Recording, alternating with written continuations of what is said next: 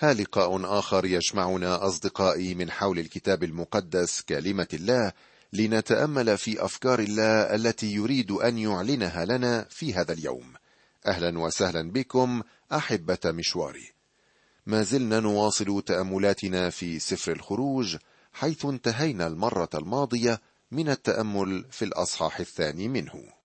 كانت أول أربعين سنة من حياة موسى قد قضاها في بلاط فرعون تربى وتدرب كواحد من المصريين والشيء الذي كان يعوزه هو كيف يخدم الله. كل التدريب الذي تلقاه موسى في مصر لم يؤهله لتخليص الشعب من العبودية. حاول مرة أن ينقذ واحدا من أبناء جنسه الذي كان يعامل بقسوة من أحد المصريين فقام وقتل المصري. لم يدرك أنه تحرك بوقت مبكر بأربعين سنة عن مخطط الله. من أجل ذلك قام الله بإبعاده إلى الصحراء. يذهب موسى إلى صحراء مديان وفي الصحراء ستبدأ الاستعدادات ليكون مخلص الشعب من عبودية مصر. يتزوج من صفورة ابنة كاهن مديان وينجب منها ابنين. كان الله يعد العدة لتخليص الشعب من العبودية. وكان موسى هو المختار من الله لخلاص الشعب. لم يكن هناك ما يجذب في الشعب القديم لكن الله سمع صراخهم ولا يوجد شيء فينا يحب أو يدعو الله لتخليصنا. لقد أبرم الله عهدا مع الآباء والتزم به لخلاص الشعب وهو قد وافق على منح الخلاص لكل من يؤمن بالمسيح. النعمة هي المحبة العاملة. لقد خلصنا بالنعمة وبمحبته وفر لنا الفداء. مجدا لله. نواصل اليوم تأملاتنا في سفر الخروج بالإصحاح الثالث منه. هل أربعون سنة لموسى في صحراء مديان توشك على الانتهاء؟ كانت تلك الفترة مدرسة ودروسا في حياته حضره الله فيها لإخراج الشعب من العبودية. إن الرب من حكمته ورحمته وأمانته وارى عبده عن عيون البشر وأفكارهم لكي يدربه سرا تحت عنايته المباشرة وكان هذا التدريب لازما لموسى. صحيح أنه صرف أربعين سنة في بيت فرعون قضاها في المفيد والنافع ولكنها لا تحسب شيئا بالمقابلة مع المدة التي قضاها في البرية. لا يوجد شيء يعوض عن دخول مدرسة الله التهذيبية فكل حكمة المصريين لم تكن كافية ليصبح موسى أهلا للخدمة التي كانت معده له فعلا إن الإنسان الذي يربيه الله يكون أسمى تربية من أي إنسان يربيه آخر بل ليس في طاقة البشر أن يهيئوا آنية واحدة لخدمة الله. سنرى في هذا الإصحاح دعوة الله لموسى في العليقه المحترقة حيث كشف الله عن نفسه لموسى باسم جديد. وسنرى كيف كان رد فعل موسى ثم توكيله من قبل الله. نقرأ الآن من هذا الأصحاح الثالث الأعداد العشرة الأولى. تفضل يا ميسون. وأما موسى فكان يرعى غنم يثرون حميه كاهن مديان فساق الغنم إلى وراء البرية وجاء إلى جبل الله حوريب. وظهر له ملاك الرب بلهيب نار من وسط عليقة. فنظر وإذا العليقة تتوقد من نار والعليقة لم تكن تحترق. فقال موسى أميل الآن لأنظر هذا المنظر العظيم لماذا لا تحترق العليقة؟ فلما رأى الرب أنه مال لينظر ناداه الله من وسط العليقه وقال موسى موسى. فقال ها أنا ذا. فقال لا تقترب إلى ها هنا اخلع حذاءك من رجليك لأن الموضع الذي أنت واقف عليه أرض مقدسة. ثم قال أنا إله أبيك إله إبراهيم وإله إسحاق وإله يعقوب. فغطى موسى وجهه لأنه خاف أن ينظر إلى الله. فقال الرب إني قد رأيت مذلة شعبي الذي في مصر وسمعت صراخهم من أجل مسخريهم. إني علمت أوجاعهم فنزلت لأنقذهم من أيدي المصريين وأصعدهم من تلك الأرض إلى أرض جيدة وواسعة إلى أرض تفيض لبنا وعسلا. إلى مكان الكنعانيين والحثيين والأموريين والفرزيين والحويين واليبوسيين والآن هو ذا صراخ بني إسرائيل قد أتى إلي. ورأيت أيضا الضيق التي يضايقهم بها المصريون. فالآن هلم فأرسلك إلى فرعون وتخرج شعبي بني إسرائيل من مصر. موسى ينزل من قصر مصر إلى ما وراء البرية ليرعى الأغنام الأمر الذي كان رجسا عند المصريين. صديقي المستمع ليعطك الرب أن تختبر في نفسك معنى وراء البرية. ذلك الموضع المقدس الذي فيه تتخلى عن الطبيعة وترفضها فلا يتمجد سوى الله وحده. هناك ترى الأمور على حقيقتها. هناك يصبح حكم القلب على الأمور صحيحا بعيدا عن تأثيرات مصر التي ترمز إلى العالم. هناك لا يسمع إلا صوت الله ولا يرى إلا نور طلعته ولا تقبل غير أفكاره. هذا هو المكان الذي ينبغي أن نذهب إليه لكي نتأهل للخدمة. صدقني يا أخي إن الوقت الذي يصرف مع الله مهما طال لا يضيع عبثا. كان موسى ينظر إلى العليقه وهي شجيرة صغيرة كثيفة الأغصان ليرى لماذا كانت تشتعل ولا تحترق. وهذا يمثل لنا منظر الشعب القديم في مصر دون أن يحترق أو يفنى لأن الله كان معهم. ولم يكن ملاك الرب سوى شخص الرب يسوع المسيح قبل التجسد بدون أدنى شك. فقال موسى أميل الآن لأنظر هذا المنظر العظيم لماذا لا تحترق العليقة؟ فلما رأى الرب أنه مال لينظر ناداه الله من وسط العليقة وقال موسى موسى. فقال ها أنا ذا. فقال لا تقترب إلى ها هنا اخلع حذاءك من رجليك لأن الموضع الذي أنت واقف عليه أرض مقدسة. كان الله يريد أن يعمل على آداب موسى. فبالرغم من وجوده في قصر فرعون إلا أنه لم يتعلم أن يخلع نعليه في محضر الله القدوس. كان الله يعلمه درسا كبيرا عن قداسته وهو درس لنا اليوم أيضا يا صديقي. إذا كان الرب في وسطنا اليوم فإنه لا يليق به أي دنس لا من حيث المبدأ ولا من حيث التصرف. يا ليت كل واحد منا يتعلم الاقتراب إلى بيت الله بكل قداسة. لم يتطلع موسى إلى الله. لو نظر فإنه سيرى إعلان الله العظيم المسيح في هيئة بشرية. فعلا كما قال يوحنا في إنجيله الله لم يره أحد قط. الابن الوحيد الذي هو في حضن الآب هو خبر. الطريقة الوحيدة التي نعرف بها الله هي من خلال الرب يسوع المسيح. فقال الرب إني قد رأيت مذلة شعبي الذي في مصر وسمعت صراخهم من أجل مسخريهم. إني علمت أوجاعهم فنزلت لأنقذهم من أيدي المصريين وأصعدهم من تلك الأرض إلى أرض جيدة وواسعة إلى أرض تفيض لبنا وعسلا. صديقي عندما يفتدي الله فإنه يفتدي من شيء إلى شيء آخر. لقد خلصنا من الخطية وأتى بنا إلى القداسه والسماء. ويشرح الرسول بولس هذه الفكرة في رسالته إلى أهل أفسس الإصحاح الثاني. ونحن أموات بالخطايا أحيانا مع المسيح بالنعمة أنتم مخلصون وأقامنا معه وأجلسنا معه في السماويات في المسيح يسوع. لقد رفعنا الله وأعطانا مركزا في المسيح.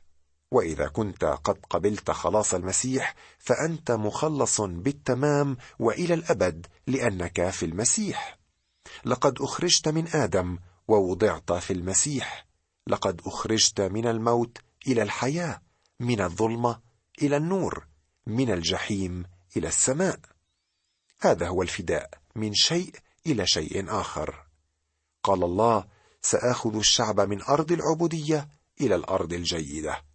هذا هو خلاص الله هذا هو الفداء. فالآن هلم فأرسلك إلى فرعون وتخرج شعبي بني إسرائيل من مصر. هل لاحظت ماذا حصل لموسى؟ قبل أربعين سنة حاول تخليص الشعب بذكائه وكبريائه. قتل المصري وخلص واحدا من أبناء جنسه. اعتقد أن هذه هي الطريقة المثلى لتحرير الشعب ولكنه اكتشف عكس ذلك. واضطر الله أن يأخذه جانبا إلى الصحراء في تدريب خاص ليجعله ملائما للمهمة. هناك تعلم كم هو ضعيف وأنه لا يستطيع تخليص الشعب بمجهوده الذاتي. شتان بين إنسان يندفع من نفسه للخدمة وإنسان يرسله الله نفسه. الله هو الذي يدرب وهو الذي يرسل. وهذا ما يجب أن يفهمه كل الذين يقصدون الخروج لتأدية خدمة الله أو شهادة للمسيح. يا ليت هذه الدروس تنقش على صفحات قلوبنا لكي تكون كل خدمة بأمر من السيد وبمصادقة منه. نقرأ الآن من العدد الحادي عشر من الأصحاح الثالث وحتى نهاية الأصحاح. فقال موسى لله من أنا حتى أذهب إلى فرعون وحتى أخرج بني إسرائيل من مصر.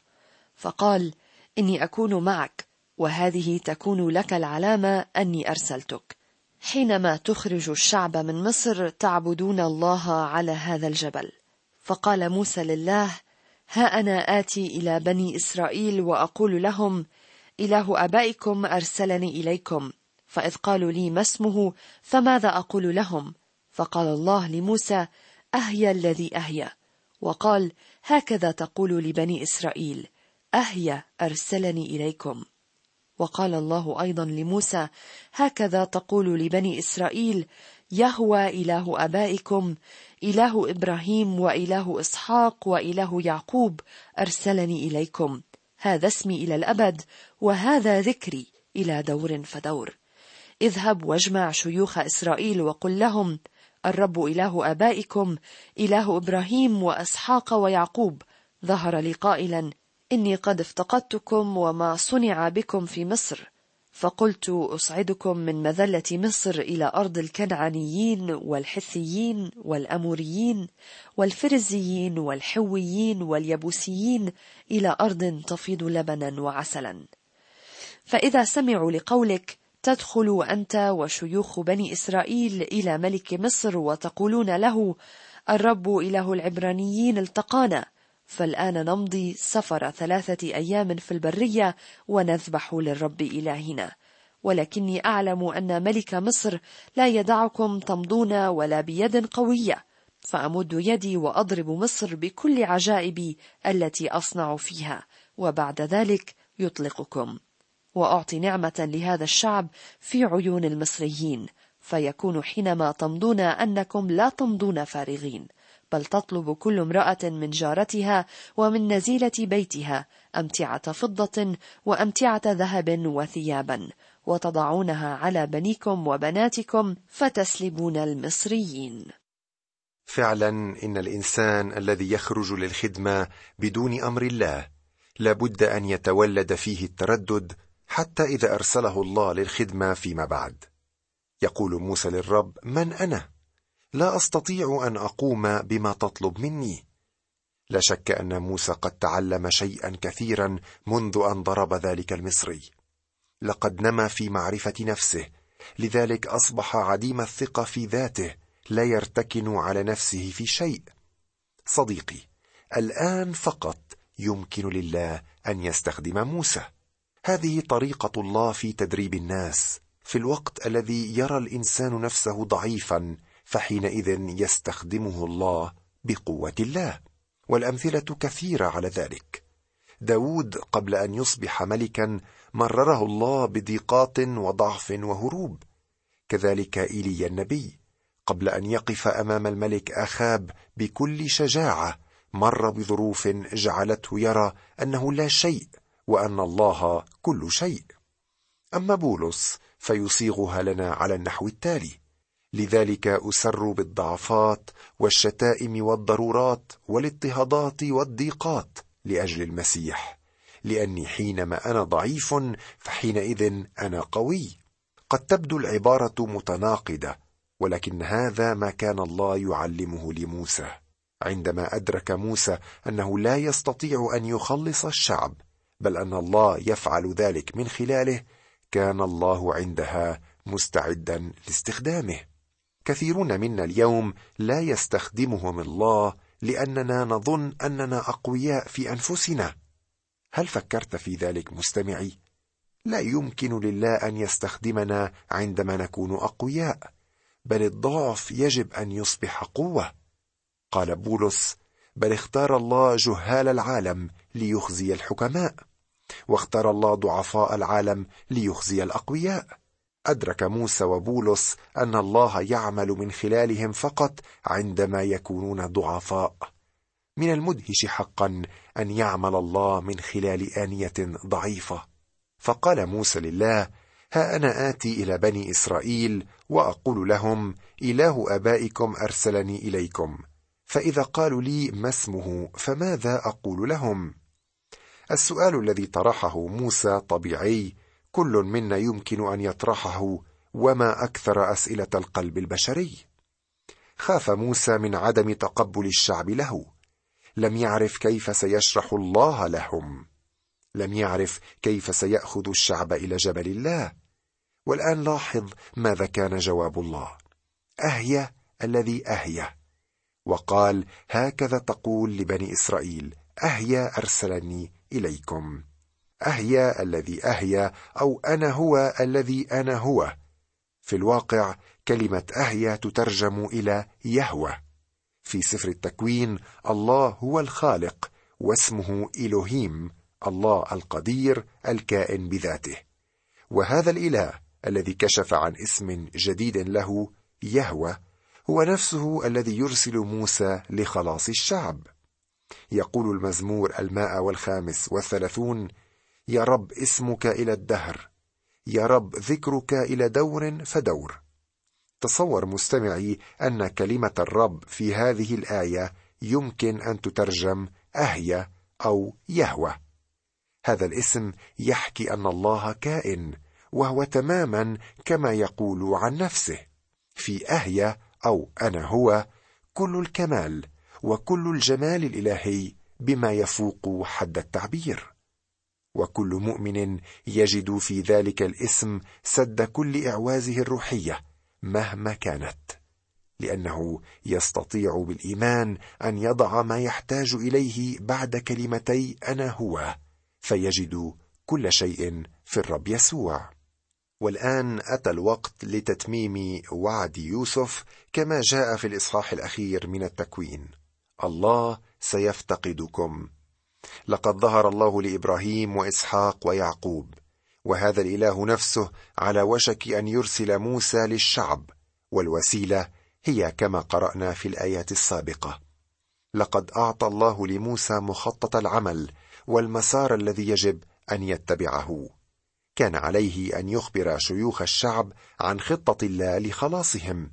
ومن ثم يذهب وإياهم إلى فرعون ويطلبون منه أن يسمح لهم بالقيام برحلة في البرية لمدة ثلاثة أيام ليقدموا ذبائح لإلههم كأمة.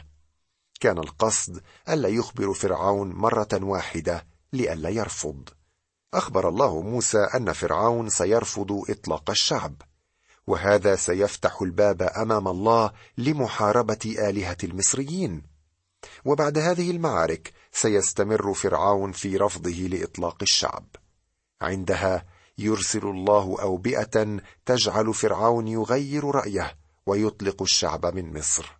كان لله خطة لخلاص الشعب وهو سيخلصهم فعلا. وأعطي نعمة لهذا الشعب في عيون المصريين فيكون حينما تمضون أنكم لا تمضون فارغين. بل تطلب كل امرأة من جارتها ومن نزيلة بيتها أمتعة فضة وأمتعة ذهب وثيابا وتضعونها على بنيكم وبناتكم فتسلبون المصريين. هذه ليست سرقة وإنما استرداد حقوق قد سلبت لمئات السنين. كان الله يرأف بشعبه ويهتم بهم. هذا يأتي بنا إلى الأصحاح الرابع من الخروج. يخبرنا هذا الأصحاح عن عودة موسى إلى مصر وعن الطريقة العجيبة التي يتعامل بها الله مع شكوكه. كان لدى موسى أسئلة كثيرة في فكره ولكن كان لدى الله جواب شاف على كل اعتراض. أرجو يا ميسون أن تقرأ لنا الآيات الأربع الأولى فقط من هذا الأصحاح الرابع. فأجاب موسى وقال ولكن ها هم لا يصدقونني ولا يسمعون لقولي بل يقولون لم يظهر لك الرب. فقال له الرب ما هذه في يدك؟ فقال عصا. فقال طرحها إلى الأرض. فطرحها إلى الأرض فصارت حية فهرب موسى منها. ثم قال الرب لموسى مد يدك وأمسك بذنبها. فمد يده وأمسك به فصارت عصا في يده. قدم موسى عدة اعتراضات على أخذه المهمة. ها هم لا يصدقونني ولا يسمعون لقولي بل يقولون لم يظهر لك الرب. حقا ما أصعب الاعتماد على الله لدى الإنسان الطبيعي. فنجد أن القلب البشري يعتمد على الخيط الرفيع الذي تبصره العين بينما يغض الطرف عن صخر الدهور الذي لا يرى. في الأيام التالية كان موسى سيستخدم العصا بطرق مختلفة. كانت ستصبح شارة سلطته وشهادة للشعب وللمصريين عن حضور الله مع موسى كما أنها ستصبح مصدر قوة له. عندما رمى موسى العصا إلى الأرض أضحت حية. لاحظ أنه لا توجد قوة في العصا إنها مجرد أداة يمكن للشيطان أن يستخدمها كما يستخدمها الله. دعني أوضح. المال الذي تملكه يمكن أن يستخدم لفعل الشر والجريمة كما ويمكن استخدامه لعمل الخير ومصلحة الناس. من هنا فإن العصا عندما وضعت فقط في يد رجل الله أمكن استخدامها لمجد الله. هذا هو الدرس الذي نتعلمه هنا. بالاختصار أي شيء يستعمله الله مهما كان ضعيفا أو عاجزا فهو كاف لإجراء العظائم. كثيرون يا صديقي يعتقدون أن التلفزيون والراديو من الشيطان. كما قلت هذه كلها تستخدم إما للشيطان أو لمجد الله. الأمر منوط بك. هل تعرف إلى أي مدى يستخدم الراديو لنقل أخبار الإنجيل المفرحة؟ إذا كنت تستمع إلينا كل يوم فأنت تعرف حتما. أترى؟ لكل سيف حدان حد يجرح وحد يضمد. سأتوقف عند هذا الحد صديقي على أن أتابع ما حصل مع موسى في الحلقة المقبلة. إلى اللقاء والرب معك.